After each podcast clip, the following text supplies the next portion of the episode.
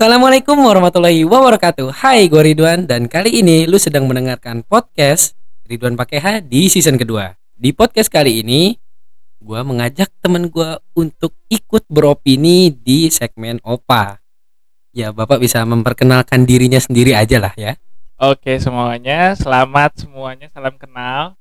Jadi perkenalkan gue Gundra Dewara sebagai salah satu mahasiswa yang kebetulan kuliah di jurusan periklanan. Jurusan komunikasi pak Oh iya, jurusan komunikasi ulang kah? oh, Nggak usah lanjut aja Lanjut aja ya. Jurusan komunikasi dengan pen- eh, peminatannya periklanan. Oke, sedangkan kalau gua ya satu kampus, satu fakultas, satu prodi, cuman bedanya peminatan gue ini di humas. Ya berselingan gak sih? Berselingan lah ya. Saling bersangkut paut ya. Bersangkut paut. ya. Oke, jadi Gundra di sini bakal nemenin gua 15 menit sampai 20 menit ke depan untuk di segmen opa. Jadi kali ini Gun, eh, Iya Wan. belum lama ini kan ada apa ya hari tanpa tanpa tembakau sedunia. Oke. Oke, yang mana pada hari itu tuh iklan-iklan hari tanpa tembakau atau kampanye anti rokok Hmm, itu mencuat banyak di internet, terutama di internet ya. ya, Karena tidak mungkin dong masuk TV. tidak mungkin juga ada di jalan-jalan. Ah, ya. iya, karena di jalan-jalan adanya iklan rokok. banyak banget di jalan kita bisa temuin dari mulai dari banner, mulai dari Hmm. spanduk, mulai dari selebaran, bahkan SPG SPG, SPG rokok yang berkeliaran itu tuh, wah, SPG rokok tuh ibarat udah kayak apa ya? Kayak tukang ojek pangkalan pada masanya. Ada di mana aja. betul. Apalagi kalau biasanya suka ada di acara-acara. Sebenarnya SPG-nya nggak salah. Iya. Bahkan SPG-nya pun bisa pakai pakaian syar'i loh. Iya betul, bisa banget. Iya, gue waktu itu kapan lagi kegiatan Islami gitulah ibarat. Itu ada sponsornya rokok, SPG itu pakaiannya Islami. Oh gitu. Iya. Sekarang udah sampai merambah ke syariah. Hmm, iya. Eh, mungkin rokok syariah bisa ya, bisa. bisa bisa masuk mana aja. Oke, Iya, Gon. betul. Jadi eh, pada kali ini gue pengen bahas tentang rokok ya. Ya. Ya, tapi santai teman-teman ya. Teman-teman gue yang sedang mendengarkan, kita di sini tidak akan bilang kalian merokok salah kok. Tidak akan secara langsung bilang kalian kalau ngerokok salah. Tapi di sini gue sama Gundra pengen ngebahas ke arah promosinya. Betul. Jadi bukan masalah rokok ini baik buruk. Mm-mm. Kita semua kayak sepertinya sepakat ya kalau sebenarnya manfaat dari rokok itu cenderung ke keburukan. Ya, ada kebaikan tapi ada keburukan juga ya. Betul. Eh, karena gue dan Gundra ini mahasiswa komunikasi, ya dong. Betul. Jadi kita lebih membahas ke arah komunikasinya mungkin pesannya. pesannya. Jadi nggak mengarah kandungan-kandungan rokok. Kayak mungkin lu udah pada tahu lah kandungan-kandungan rokok gitu, udah Iya. tersebar di mana-mana. Dari data yang gue terima, peningkatan pengguna rokok atau yang konsumsi rokok itu meningkat sangat pesat, Gun. Ya sekitar 240% lah berbanding terbalik dengan eh, minat pendidikan di Indonesia. Oh gituan. Jadi minat pendidikan di Indonesia itu orang cenderung lebih sedikit. Lebih sedikit. Iya, bahkan minat baca pun kita tidak pernah apa meningkat secara pesat dong. Iya, malah bahkan sampai masuknya ke minat baca terendah. Iya, minat baca gitu terendah ya. gitu. Ya, berarti di sini mengartikan bahwa minat baca rendah berarti minat pendidikan juga rendah. Betul. Nah, dari data itu eh yang gua pahami nih, ada beberapa faktor yang mempengaruhi orang mulai merokok. Apa tuh? Salah satunya iklan. Promosinya rokok. Oh, gua setuju banget tuh kalau iklan. Iklan ini adalah sebuah terpaan yang akan menerpa kita berkali-kali sampai masuk ke dalam am- bawah bawah sadar kita. Terus akhirnya kita kayak Oke, menganggap itu seperti biasa aja. Iya, kalau gue di sini mengatakan bahwa iklan itu enggak bukan iklan biasa. Gue mengatakan bahwa iklan rokok adalah propaganda. Karena kan kalau propaganda itu dilakukan secara masif, Betul. terus menerus berulang kali, dan itu yang kita rasakan kalau kita nonton TV di atas jam 21.30. Karena iklan rokok adanya di jam 21.30 ke 30. atas. Ya walaupun ya sebelum jam itu juga ada mulai tayang sih Mulai gue mulai sedikit-sedikit tayang ya. sedikit-sedikit ya eh, korupsi dua menit tiga menit.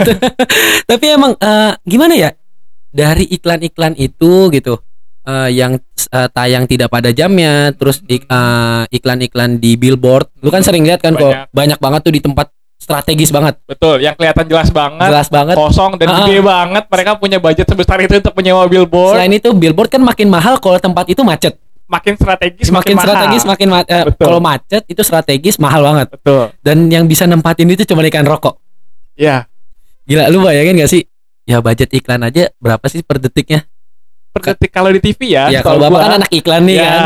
eh, kebetulan karena saya anak iklan, Mm. untuk di TV sendiri itu dalam durasi 30 detik tergantung channelnya itu dia bisa mencapai di angka puluhan juta bahkan ratusan juta Per detik.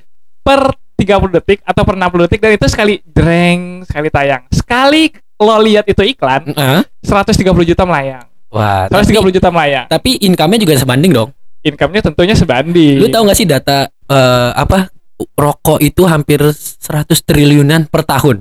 Tadi kata-kata lu lu ngeluarin eh, mereka ngeluarin iklan berapa? 130 juta per tayang. Per tayang ya. Ah. Dia dapat dapatnya triliunan banding Eh, menurut gua itu sangat bertolak belakang sekali ya. Sepertinya saya apakah Anda tertarik untuk masuk iklan rokok? Wah, sepertinya saya tidak ingin membagikan diri saya untuk orang-orang yang merusak dirinya gitu takutnya. Oke, Gun.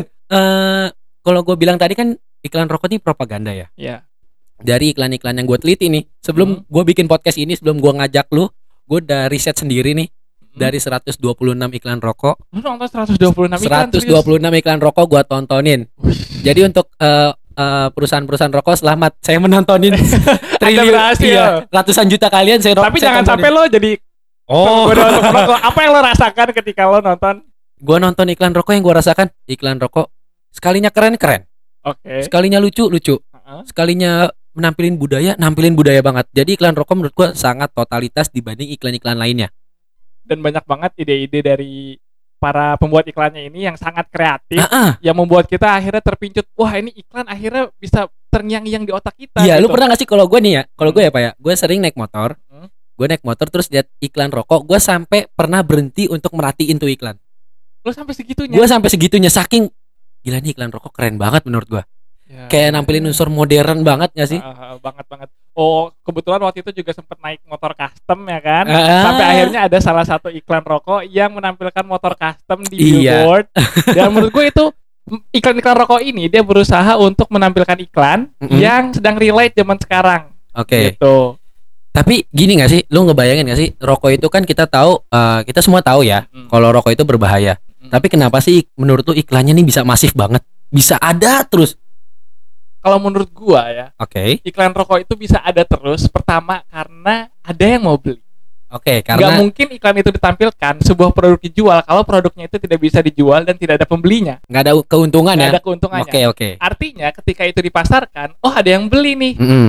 berarti bisa gue tingkatkan lagi nih penjualannya bisa gue tingkat lagi iklannya Makin kreatif lagi Makin nih. kreatif lagi makin Ah, ah, banyak lu makin banyak budget yang lo dapet Oke, akhirnya oke. menyewa banyak kreatif orang orang-orang kreatif ah, ah, untuk membuat iklan rokok yang lebih kreatif lagi gitu jadinya cycle-nya seperti itu terus kalau menurut Kalau gue. dari lo, Ya. iklan rokok yang lu inget sampai sekarang apa? kalau dari gue iklan rokok yang paling gue ingat yang akhir-akhir ini itu adalah lo nanya lo yang galak Oh, saya tahu itu rokok apa. ya itu menurut gua soalnya itu sedang relate dengan Ah, zaman oke, sekarang oke, gitu oke. banyak orang yang lagi emosi-emosinya gitu Mhm, kan mhm. eh, karena kondisi sosial yang sedang memanas Oke. akhirnya ditampilin tuh lo nanya lo yang galak Jadi gitu. iklan rokok itu relate banget dengan kondisi sosial saat ini. betul Makanya gue, kenapa orang bisa banyak uh, bisa mulai merokok karena iklan rokok tuh relate dengan dia gak sih? betul. ya betul Kayak Karena- unsur pencintaan uh, per, sorry, percintaan aja ya ada di dalam rokok dong. contohnya Uh, apa tadi contohnya, Pak? cinta aja cinta cinta ditolak Cinta ditolak, enjoy aja. enjoy aja Iya kan? gitu kan En- menurut gua itu tapi secara kalau kita bahas secara unsur intrinsiknya ya Oke, oke. secara tersirat. Jadi ibaratnya rokok itu merupakan sebuah cinta. Oke. Jadi lo nawarin rokok nih ke teman lo, nih lo mau rokok nggak? Oke, Nah oke. itu tuh rokoknya berbentuk cinta, berwujud cinta gitu dari teman lo. Hmm. Terus teman lo nolak, nggak, gue nggak mau rokok. Ya udah lu enjoy aja. Enjoy aja. Lu ngerokok, lu tetap ngerokok walaupun ditolak. Jadi menurut gua pesan secara tersirat itu bisa diambil ke situ karena cara memaknakan meninterpretasikan sebuah iklan itu tergantung bagaimana kita menerima iklan tersebut. Oke. Gitu. Kalau gue kan sukanya sama hal-hal yang berbau komedi ya. Ya. Jadi iklan rokok yang masih nempel di otak gue tuh angkanya angka 7 sama angka 6, Pak. Oh, Ah, ya itu eh, ya. Mungkin eh, buat lulu semua lu pada ngebayangin iklan kayak gimana sih? Gua kasih contoh aja nih, Pak ya. Contoh, gambarkan Wan. Iya, eh, saya beri kamu satu permintaan. Wah, apa itu? Pengen ganteng. Mimpi. Ya. Ah. itu menurut gua itu kreatif banget loh. Ada juga iklan yang dengan angka yang sama. sama. Ya, dia bikin iklan. Jadi dia iklanin nih. Dia lagi kayak ngevlog gitu. Kali ini rokok nit. Terus kameranya nggak fokus, malah fokus ke arah harga rokoknya. Harga rokoknya kan murah banget, Pak. Ya, Jadi di- orang ini bilang fokus ke saya dong, fokus ke saya. Itu kreatif banget. itu sangat kreatif. itu dan itu bukan iklan di zaman 2020. Menurut gue iklan rokok tuh udah sekreatif di masa-masa yang akan datang. Iya betul. Menurut gue juga akan dengan akan seperti itu gitu. Semakin modern kita berada, maka Mhm, iklan rokok juga akan cenderung semakin bagus dan semakin modern gitu. Iya. Kalau zaman dulu mungkin kita tidak punya alat atau apa ya teknologi yang ada zaman sekarang itu tidak secanggih zaman dulu. Jadi mereka itu membuat iklannya yang sederhana, simple tapi pesannya itu ngena Nyampe banget. ngena bahkan sampai keingetan. Kita udah umur 21 20-an aja masih Waktu kita inget. lihat itu umurnya masih belasan. Iya ya masih kayaknya. belasan. Gue inget iklan yang angka 7 sama 6 itu SD Pak kayaknya Pak. Ya, Iya zaman-zaman SD Iya, itu. zaman-zaman SD, SD gue masih keingetan sampai sekarang. Berarti kita bisa mengartikan bahwa iklan rokok ini sukses. ya. sukses banget. Banget ya. Dan ah, gini dah Pak. Iklan rokok itu kan sukses. Kita bisa ternang-ngiang nih di otak kita nih sampai kita umur berapa tahun pun mungkin gue yakin umur kita 30 tahun kita masih inget tuh iklan rokok. Masih karena itu akan berada di alam bawah sadar kita. Ya, karena nempel nempel banget di alam bawah sadar ya iklannya. betul. Nah, dan ada juga nih Pak, iklan rokok ya kan selain tadi yang unsur komedi, lu pasti Mhm. pernah lihat iklan rokok tuh yang nampilin unsur adventure, terus atau enggak modern banget, Mm, atau bahkan sekalipun budaya di Indonesia. budaya, ya, Iya, betul. itu gua ngeliat iklan menurut gua iklan yang paling berbudaya itu iklan rokok. karena Karena dia nampilin unsur tarian-tarian tradisional, Pak. Lu coba lu cari iklan-iklan selain rokok yang nampilin eh, budaya-budaya Indonesia. Hanya secuil aja. betul. Gue ingat iklan rokok yang waktu itu tuh sempat viral ketika mau anniversary Indonesia apa sih? Hut Hut, hut, hut. ya. Anniversary dong. Anniversary dong ya ampun. Cinta jadi tolak. Ya, enjoyin aja. Waduh. Nah, eh, waktu HUT RI itu jadi sebuah iklan rokok dia menyewa sebuah aktor perempuan hampir setiap tahunnya dan menampilkan segala keindahan yang ada di Indonesia. Contohnya itu kayak ada kebudayaan tarian, nyanyian, baju, Mm-mm. dan segala jenis bangunan peninggalan yang ada dan itu tuh benar-benar di shoot dengan sedemikian cantiknya yang sampai sekarang itu gue kayak wow ini iklan mahal banget produksinya Bentar, Pak. Dikutipin iklan rokok. iklan rokok, Iklan rokok ya. ya. iklan rokok ini mahal banget produksinya dan akhirnya benar sampai sekarang itu masih terngiang-ngiang di otak gue dan gue kayak oke lo sukses tapi sayang gue tidak mau mencoba produk lo Ya, ya bener dong kata gua. Jarang banget iklan yang produk lain nampilin kebudayaan di Indonesia. Jarang banget. jarang banget Emang rata-rata tuh yang memberan yang beranikan diri untuk iklanin budaya Indonesia tuh rokok. Iya Kalau gua mengartikan gini, Pak. Itu kayak dia pengen ngasih contoh, ngasih pandangan gitu Mhm. bahwa rokok ini bagian dari budaya di Indonesia. oh iya bisa juga ya Ya, ya penafsiran gua begitu ya. Iya, jadi Kalau dia penafsiran berusaha untuk memasukkan nih loh rokok lu kalau nggak ngerokok lu nggak jadi orang Iya, Indonesia. iya, iya, iya. Lu kalau nggak ngerokok nggak orang Indonesia. Sama Oh. juga kayak yang unsur yang modern-modern. sungguh propaganda yang sangat Ah, unik gitu keren ya. kan keren propaganda keren rokok kan? banget sih Makanya eh gimana ya? Gue tuh selalu ngeliat iklan rokok, iklan rokok ya. Hmm. Iklan rokok itu iklan terkeren. Dia jadi kiblat kedua gua. Hmm. Maksudnya dalam artian kiblat kedua ini desain ya, kiblat desain Oke. ya. Bukan kiblat untuk sholat Iya, ya. oke Jadi kalau gua kalau desain itu pertama gua pasti selalu lihat iklan-iklan e-commerce sama ojek online. Heeh. Yang kedua gua selalu lihat iklan rokok. karena iklan rokok sebegitu Sebegitu kerennya, ciamik ya. banget ciamik banget. Kreatif, modern. Itu kalau yang modern bener-bener keren dengan musik yang pas, jedak-jeduknya kan. Iya dengan segala jenis action lompat Iya. dari pesawat terjun Iya, payung terus main- adrenalin tinggi Main, ya main kan? apa selancar itu keren banget Iya, Pak iklan-iklan betul. rokok. Sang- jadi yang ditampilkan itu berupa impian-impian yang lo tuh sebenarnya diberikan oh lu kalau ngerokok tuh lu bisa sekeren Nah, ini mu- mungkin ya, gitu. mungkin ya. Kita kan sebagai mahasiswa hanya beropini nih. Iya Dari dari kita ngeliat oh siapa tahu dia pengen lu kalau nggak ngerokok lu nggak keren main ah, main skateboardnya. ya. Lu kalau nggak ngerokok lu nggak orang modern gitu. ya, lu lagi nongkrong nggak ngerokok ah lu bukan anak nongkrong kan Ah gitu iya kan. iya iya. Walaupun di tongkrongan rokoknya rokok ketengan. iya Gini Pak, yang gua lihat dari iklan rokok ini juga, tadi kan Bapak juga bilang kalau propagandanya ini menarik banget, ciamik Iya. banget. Gua pengen banget nih Mm-mm. selaku gua sebagai apa ya warga negara Indonesia yang ingin memajukan kesejahteraan bangsa Iya dong, tentu dong. Kita anak muda bersuara pasti tujuannya ingin memajukan Indonesia. betul sekali Nah, kalau gue di sini mikirnya, kenapa kita sebagai orang yang punya KTP warga negara Indonesia, Mm-mm. sebagai orang yang punya kakak lahir di Indonesia, Mm-mm. kenapa kita nggak coba amati, tirui, modifikasi iklan-iklan rokok? betul gue setuju banget tuh dengan kata amati tiru modifikasi Iya, itu merupakan sebuah teknik duplikasi di mana lo bisa sukses Hmm? tapi dengan cara yang sedikit ngecit menurut gua Ah. tapi lo akan menjadi inova dengan ketika lo modifikasi itulah yang akan membuat lo beda dan lo akan tampil lebih menarik. Intinya tuh di modifikasinya, Pak. Betul, setuju banget. Tapi Iya. tetap dengan cara kita mengamati. Pertama kita amati Betul. dulu. Jadi kalau gue di sini narik, Ba- menarik bahwa yang kita amati dari iklan rokok ini Mhm, seberapa kreatifnya mereka, mhm. seberapa ciamiknya mereka ngebungkus, seberapa mereka menggunakan kata-kata nih, Mhm. kata-kata yang gampang nempel di otak kita, terngiang-ngiang gitu ya. terngiang-ngiang terus gitu. Nah, kalau gue di sini nah ngaitinnya dengan pendidikan di Indonesia. Oh. Karena kan Betul, kita betul, tahu pendidikan di Indonesia sendiri masih mengalami keterpurukan. Ya. Bahkan ya, saya tahu nih Bapak nih, jangan-jangan Bapak kalau lagi kuliah online cuman jawab salam terus absen doang. Ya. Kurang lebih seperti itu ya, Bener sambil dong. pantengin aja Iya, ya, minat- pantengin. Minat pendidikan kita berarti nurun dong. iya, betul. Ya menurut gua kita butuh mengamati pertama iklan rokok kita Iya. amati seberapa ciamiknya dia. Terus kita tirui dengan oh berarti rokok nih kita pertama kita ngamatin. Contoh iklan rokok si A lah gitu. Oh dia nampilin unsur budaya, oh dia nampilin modern. Oke, terus kita ama- udah diamati, kita tiru nih untuk kita aplikasikan di kayak tadi gue bilang pendidikan. Iya. Oke, berarti kita aplikasiin kata-kata kreatifnya, kata-kata ciamiknya atau kata-kata lucunya atau kegiatan-kegiatan apa aja. Kemudian kita modifikasi dengan cara kita yang diterapkan ke pendidikan.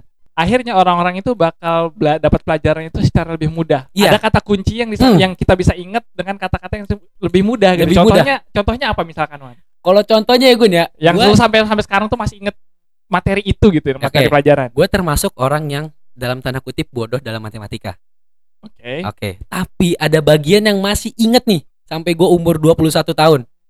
Yaitu rumus KM, HM, DAM, M, DM, CM, MM. Oke. Oke, mungkin sebagian dari lu ngafalin kayak gitu. Eh, gua dulu ngapalinnya agak susah. Gua harus KM HM DAM M Iya. kayak gitu. Gua gua tuh nggak Gue bisa tidak Pak, menemukan kata gimana kunci. caranya. Gue tuh nggak bisa, gue orangnya nggak bisa ngapalin kayak gitu. Akhirnya temen gue kreatif banget nih. Heeh. Siap. Kayaknya jangan-jangan dia udah ditarik rokok deh buat ngiklanin. sungguh sungguh plot twist yang ini ya. Plot twist banget ya. Jadi gue diajarin dia, lu ngapalinnya gampang aja Wan. Kucing hitam dalam mobil, desi centil mondar mandir. Sampai sekarang gue hafal KM, HM, DAM, MDM, CMM. Walaupun naik ke atas Ya. kali 10 atau bagi 10 nya kadang gue suka ketuker karena itu gue Ah. ngapalin nggak pakai kata-kata yang gampang dan Ah. iklan rokok dia pakai kata-kata itu pria punya selera selesai kata-kata yang gampang banget diinget yang dia yang lu bilang tadi alam bawah sadar lu tuh nempel mulu. Lu Ya. kalau pria kata-katanya dia dimilih keren banget pak. Pria. Pria kan berarti menampilkan orang borjuis orang yang berpakaian rapi orang yang keren ya kan? Or- jadi tuh maksudnya dia pengen ditanam di alam bawah sadar kita kalau kita ngerokok itu kita seorang pria gitu loh. Gue jadi penggunaan kata-kata itu sangat penting ya. penting banget. Terutama dalam menyusun materi-materi pelajaran di sekolah. nah itu. Yang mungkin kalau menurut gue itu contohnya ini ya kayak pelajaran bahasa Inggris lo belajar tentang tenses man. Lo belajar tentang tenses itu dari SD tentang simple present. Ah, ah. SD lo udah ajarin lo nggak ngerti oke lah. SMP lo diajarin juga simple present ya kan? Lo diajarin misalkan dari jam pelajaran jam 10 sampai jam 12 simple Oke. present. Dalam satu hari. Besokannya udah lanjut ke present continuous. Iya. Minggu depannya minggu depannya tuh ya. Iya. Dan akhirnya SMA ngulang lagi. Ngulang lagi. Ini pengalaman pribadi gue loh gue kuliah ngulang lagi ngulang lagi dan gue tambahin lagi pak gue les di salah satu eh, les bahasa Inggris ngulang lagi pak ngulang lagi gitu. Maksud gua what happens man? Iya. Kenapa pendidikan Indonesia kok ngulang-ngulang terus? Kapan gedenya gitu? Iya. Kalau kita kayak gini terus gimana caranya kita bisa maju kalau seandainya pendidikan kita di situ-situ aja? bahkan ketika diulang pun kita nggak inget Betul. ya Banyak banget akhirnya teman-teman kita yang sorry to say, gue juga kadang lupa. Ya. Tapi gue kayak Wah ini berarti ada yang salah dong. Kenapa tidak bisa diaplikasikan secara rutin? Mm-mm. Kena terpaan berkali-kali pelajaran ini supaya tetap na- apa nancep di pikiran kita Iya. gitu kan? itu yang gue bilang tadi kita butuh kata-kata yang gampang diingat seperti iklan rokok ya kan? Ya, ya gue betul betul. gua gua menirukan ini banget eh, ke terhadap apa proses belajar gue Mm. gue kadang suka ketuker gimana lebih tepatnya kita menggunakan do atau does ini dalam bahasa Inggris ya Mm-mm. jadi gue pakai nih kalau salah tolong koreksi ya pak ya Iya. Eh, apa he she eh, apa sih He, she, it. he she it itu Nah, orang ketiga orang ketiga itu pakai do atau das pakai das. Oh, pakai das. Pakai tamen ES. Tapi Ah. banyak banget gue juga kadang gue juga suka lupa dan orang-orang juga banyak banget yang suka lupa kalau itu tuh harus pakai ES gitu Ah, belakangnya, ah, kan. Nah, gue ngingetnya gitu. Kalau misalkan ini dia nggak boleh pakai S. Kalau misalkan yang satu ini dia nggak eh, dia boleh pakai S. Oh iya, jadi lo eh, membuat sebuah gambaran di otak lo kalau ini tuh lo harus pakai E- pakai S lo. Iya. S kalau gue nangkepnya ya es Ya. itu dingin gitu Dingin, nah. si he she it ini harus pakai es Nah, karena kalau nggak pakai es ya mungkin dia panas gitu Isi kan it boleh minum es, yang satu lagi nggak boleh minum, boleh minum es. es. Nah, gue Nah. ngapalinnya gitu. Itu butuh banget di pendidikan Indonesia. betul Karena ya kayak tadi iklan rokok itu bisa tertanam di alam bawah sadar karena dia menggunakan kata-kata itu. Yang sangat kreatif Mm-mm. unik dan menarik gitu Ya. ya, Jadi gue pengen banget nih kita semua termasuk ya kita sebagai anak muda ya pak ya. Mm-mm. eh, kita menerapkan bagaimana iklan rokok ini eh, nanam di alam bawah sadar kita. Baik itu dalam bentuk komedi, kata-kata atau ya banyaklah fenomena di iklan rokok. dan eh, sayangnya gini ya di dalam pendidikan Indonesia itu sekolah-sekolah tidak menerapkan cara-cara ini gitu kalau menurut gue gue Nah. di sekolah tidak belajar seperti itu gue di Iya. sekolah hanya belajar teori yang bagaimana buku sampaikan tapi tidak diajarkan bagaimana trik-trik Nah, hanya segelintir guru Iya. ada segelintir guru yang mau menyampaikan triknya ini loh cara ngapalnya biar gampang triknya itu loh supaya bisa lebih ingat gitu dan lo diajarnya di mana di tempat les Iya. akhirnya dan masalahnya akhirnya ilmu ini yang lo tahu ini diuangkan di tempat Hmm. les jadi lo mau nggak mau lo harus mengeluarkan uang lebih lo udah bayar SPP sekolah lo harus les, les, lagi terus udah les bayar les online lagi. bayar les online lagi Iya. gitu aja cycle-nya terus Mm, mm, mm. ya makanya tadi gue bilang iklan rokok itu menarik banget buat dibahas gitu. Selain Iya. dari walaupun dia tidak mena padahal dia nggak menampilkan orang merokok loh. dia juga tidak menampilkan batang rokok itu seperti Iya, apa batang rokok waktu lo kecil apa. lo emang tahu itu tuh iklan rokok produknya apaan sih Gue ngeliat itu bukan iklan rokok, gue kira itu konser musik pak. gua kira kalau dulu itu mobil balap mobil lagi balapan kan ada tuh ya Iya iklannya mobil lagi pada balapan Iklannya tuh. mobil ya. iklannya mobil nah gua kira itu mereka lagi pada balapan terus diiklanin gitu Atau enggak gue kira yang ada tuh orang naik eh, papan selancar gitu, naik Hmm. selancar. Gue kira dia lagi olahraga biasa pak. dan diiklanin gitu ya Ujung-ujungnya Aider gitu. iya ujung-ujungnya Ujung- gitu kan gue gue ya waktu SD gue nggak tahu itu iklan apa gitu kan. Ah. Nah tapi iklan rokok ini dia kan sukses ngiklaninnya. Mm-mm. Tapi menurut gue ada yang berperan penting lagi untuk mengiklankan rokok. apa tuh Yaitu orang yang merokok. oh Ya jadi oh man iya dia kayak kayak agen-agen Betul, rokok betul, gitu betul, nggak sih? betul, betul. Menurut Jadi, lo? karena contohnya gua pribadi ya Iya. ketika kecil gue tidak tahu bentuk rokok itu seperti apa dari dari iklannya langsung Mm-mm. tapi gue tahu bentuk rokok itu seperti apa dari orang-orang yang merokok walaupun mereka tidak mengiklankan rokok secara langsung Ya jadi kayak sales ya. mereka jadi ibaratnya sales gratis Iya sales gratis. dan lo bayar untuk jadi sales dan lo nggak digaji men digaji dengan apa? Nggak digaji Ya, sih. lu nggak nggak digaji. ya. lo nggak digaji dong Dia Lu beli rokok beli, ya Dia kan? rokok Pakai beli. duit. pakai duit tapi lo ngiklanin ke orang-orang kalau gue ngerokok ini rokoknya nih gitu kan Oke oke. itu mindset yang sangat salah lo rugi sekali kalau menurut gue Jadi menurut lo nih Pak, Heeh. rokok itu targetnya ke arah siapa? kalau gue pribadi tergantung dari siapa pembuat rokoknya Ah, coba jelasin ini, ini menarik banget. Nah, Biasanya ini- kan orang bilang kalau target rokok itu anak muda langsung tuh. anak muda langsung gue tidak setuju terhadap hal itu gitu. Kenapa? kalau menurut gue setiap rokok itu produknya cuma satu bentuknya panjang se Ah, selurus seperti itu ya kan ada kuningnya atau segala macem tapi yang bikin beda itu adalah siapa yang punya brandnya Oke. jadi brand ini dia itu mau mencitrakan rokoknya dia itu untuk siapa Hmm. gitu jadi misalkan kalau contohnya orang kaya rokoknya apa Marlboro. Saya nyebut merek dong. emang nggak boleh ya Eh, Boleh Marlboro. misalkan ini kita sebut aja ya misalnya ini buat penjelasannya gitu Langsung biar jelas. terus eh, anak muda contohnya rokoknya mil nah kayak gitu terus juga eh, pendaki gunung filter filter gitu kan. Terus kalau eh, kuli bangunan, jarum super Jarum super. Jadi mereka semua ini punya target marketnya sendiri, pangsa pasar pangsa pasarnya ya. sendiri, masanya itu sendiri. Yang bikin beda itu bagaimana cara si pemilik brand ini dengan produk yang sama, lu jual produk yang sama, tapi lu mau bikin differentiate, Oke. bikin di- perbedaan. Oke, Bapak harus menjelaskan diferensiatnya itu, Pak. Nah. Takutnya tidak mengerti teman-teman Jadi, ini. Mereka ini membuat sebuah perbedaan brand gua untuk anak muda, Oke. tapi produknya tetap rokok. Hmm. gitu. Jadinya siapakah target marketnya? Menurut gua semuanya kita adalah target market dari rokok. Bedanya lo kepincut atau enggak? Oke, jadi maksudnya maksud dari lu yang gua pahami ya, Mm-mm. semua orang di Indonesia Mm-mm. ya eh, kecilnya di Indonesia itu Iya. merupakan target dari eh, para pengiklan rokok. Betul. Tapi kita menggunakan atau ngebeli atau ngisepnya itu Mm-mm. tergantung dari kita mau jadi seperti apa.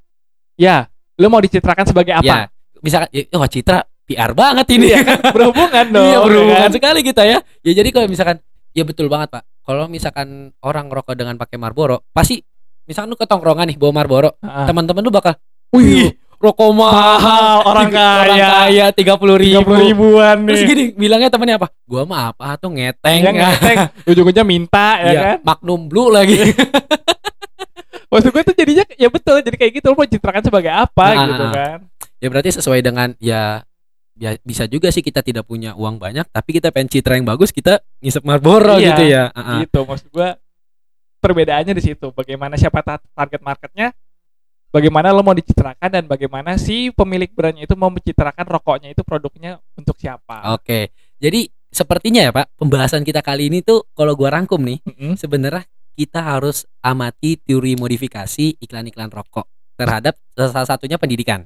betul setuju Oke, banget yang tadi gua bahas kan. Nah, Nah, dan yang terakhir itu rokok itu targetnya seluruh orang, seluruh orang tapi tergantung bagaimana eh, target pangsa pasar si rokoknya atau produknya itu. betul bagaimana mereka menginterpretasikan iklan rokok tersebut dan bagaimana mereka ingin dicitrakan Oke. yang paling bagus lagi adalah ketika lo tidak mau dicitrakan bagaimana si pembuat rokok itu mencitrakan mereknya Waduh.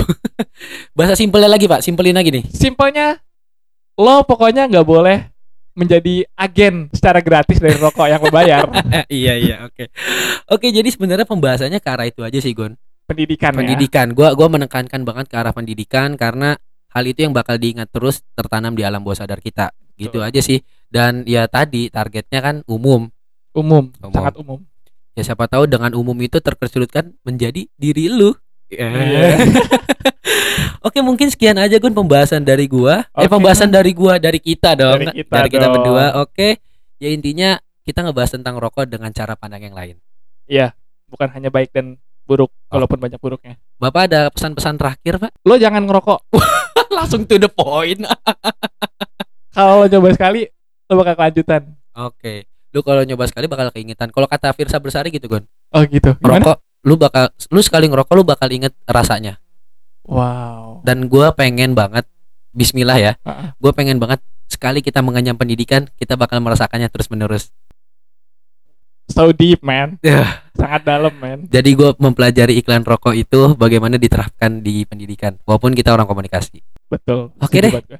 Sekian aja Gun ya. oke Wan Eh, mungkin sekian dari kita ya. Eh, tadi udah main penutupan, ngomong lagi, penutupan ngomong lagi. banyak pesan ya Iya kita banyak ya. pesan emang kalau udah megang mic gini ya. Iya. Oke terima kasih teman-teman semua udah dengerin podcast gua sama Gundra sampai ke menit berapa nih Gun? Eh, dua delapan oh, buat kalian yang dengerin podcast gua sambil ngerokok ya lanjut aja. Nanti ngerasainnya pas tua. bohong lo kalau lo nggak bisa berhenti langsung ya sangat bohong bokap gue berhenti langsung kok Oke nanti pembahasan rokok lainnya kalau misalnya lu merasa tertarik dengan pembahasan rokok kita bakal kita lanjutkan. Untuk episode kali ini di segmen Opa kita cukupkan. Assalamualaikum warahmatullahi wabarakatuh. wabarakatuh Rokok yuk. Bercanda ya guys.